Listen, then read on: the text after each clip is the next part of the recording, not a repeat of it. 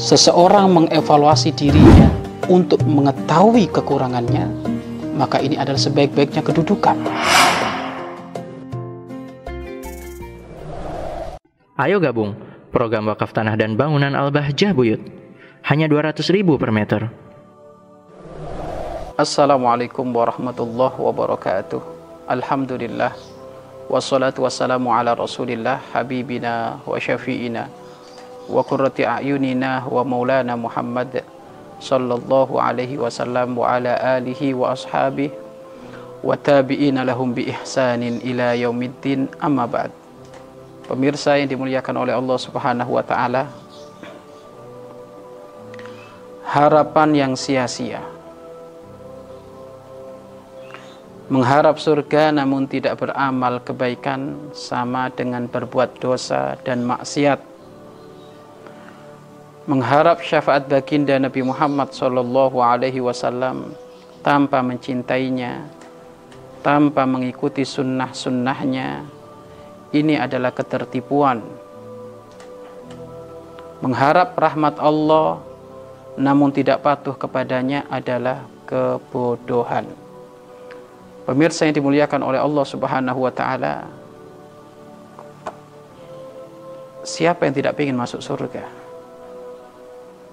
Sejelek-jeleknya orang jika dia ditanya, pasti dia rindu ingin masuk surga.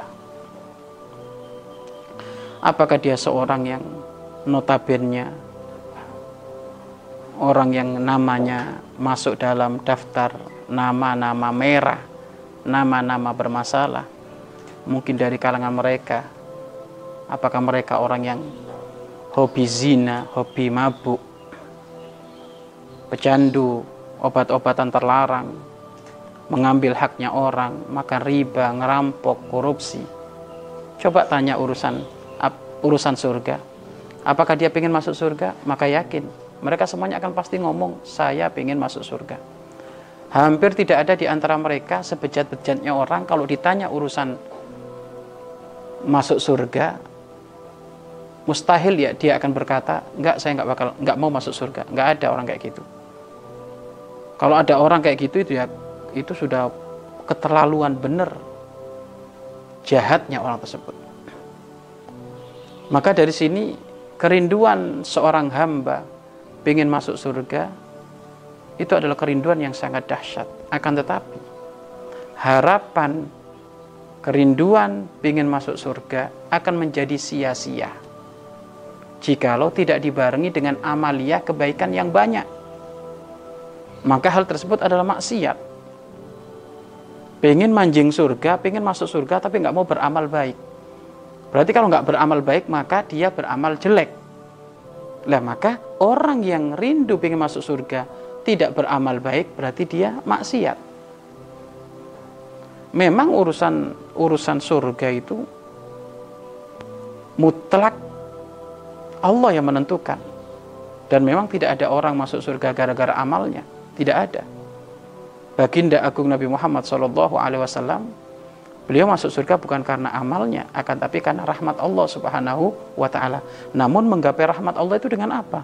Banyak-banyak amal kebaik kebaikan. Hei orang yang sedikit-sedikit menggembor-gemborkan urusan surga ingin masuk surga, surganya tinggi dengan Rasulullah Shallallahu Alaihi Wasallam, amaliyahmu bagaimana?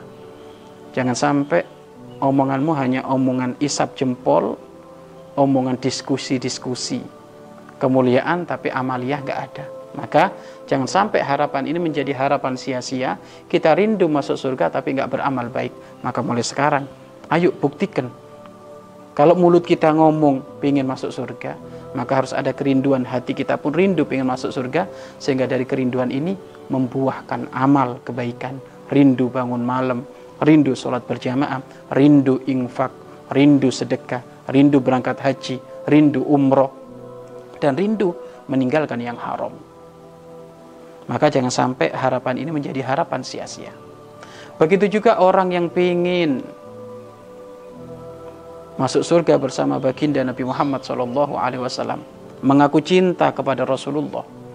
Cinta kepada Nabi Muhammad ini jalan utama menuju surganya Allah cinta kepada Nabi Muhammad Shallallahu Alaihi Wasallam jalan utama menjadi kekasih Allah. Cinta kepada baginda Nabi Muhammad Shallallahu Alaihi Wasallam jalan utama untuk kita bisa mulia dunia akhirat. Akan tetapi jangan sampai cinta ini pun menjadi cinta sia-sia, cinta semu, cinta nggak jelas. Kalau ternyata kita ngumbar kalimat cinta, akan tapi perilaku kita tidak mengikuti sunnah-sunnahnya perilaku kita tidak mengikuti sunnah Nabi.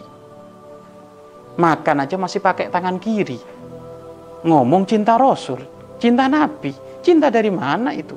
Memang makan dengan tangan kiri nggak haram, akan tetapi menunjukkan kalau kamu makan dengan tangan kiri, minum dengan berdiri, makan dengan berdiri, ini menunjukkan omonganmu dengan amaliyahmu nggak sama. Ngaku cinta dengan Rasulullah Shallallahu Alaihi Wasallam, bangun malam nggak pernah Ngaku cinta dengan Rasulullah Shallallahu Alaihi Wasallam Al-Quran jarang dipegang. Ngaku cinta dengan Rasulullah Shallallahu Alaihi Wasallam sunnah-sunnah Nabi nggak pernah diamalkan. Memakai siwak nggak pernah. Senantiasa, senantiasa, senantiasa menebar senyum nggak pernah. Menebar salam nggak pernah Kok jauh amaliannya dengan sunnah Nabi, tapi mulutnya cinta Rasul, cinta Nabi, cinta Rasul, maka ini ketertipuan atas nama Nabi Muhammad. Bahaya orang kayak gini. Ini termasuk model orang-orang yang tertipu, tertipu atas nama baginda agung Nabi Muhammad Shallallahu Alaihi Wasallam. Kalau sudah ngomong Rasulullah, ngomong Nabi Muhammad, ngomong kekasihnya Allah, otomatis amalia kita harus mengikuti beliau. Walaupun memang cara mengikutinya berproses dong. Tidak mungkin kita 100% gitu, enggak. Berproses akan tapi kita senantiasa menambah sunnah-sunnah Nabi. Senin Kemis berjalan, puasa Dawud berjalan, puasa sunnah-sunnah yang lainnya berjalan. Artinya apa?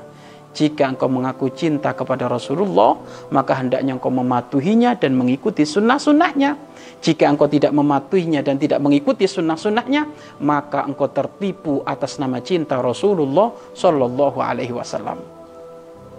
Orang kalau ngaku cinta mudah, tapi jika cintanya dibalas, ini baru spesial ini.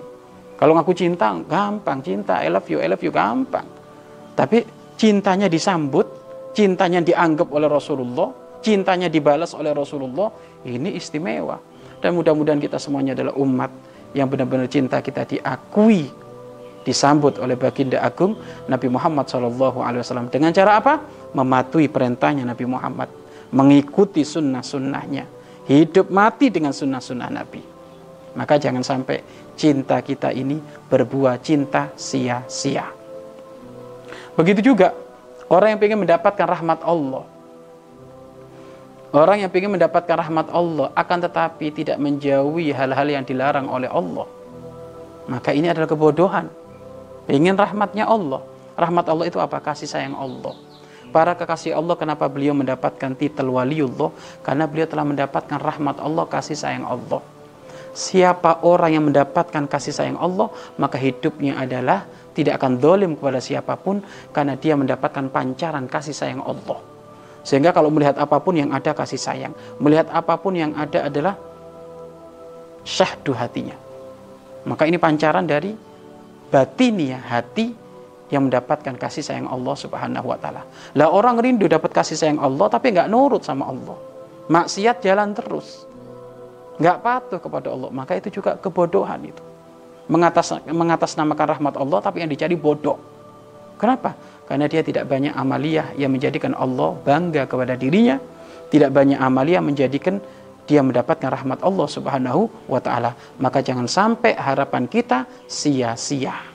Jangan sampai harapan kita percuma alias tidak ada imbal balik, tidak ada nilai kemuliaan sehingga nanti kita semuanya bisa masuk surga Allah, diaku sebagai umatnya Nabi Muhammad dan mendapatkan rahmat Allah Subhanahu wa taala. Wallahu a'lam bissawab. Mari berinfak untuk operasional lembaga pengembangan dakwah Bahjah Buyut.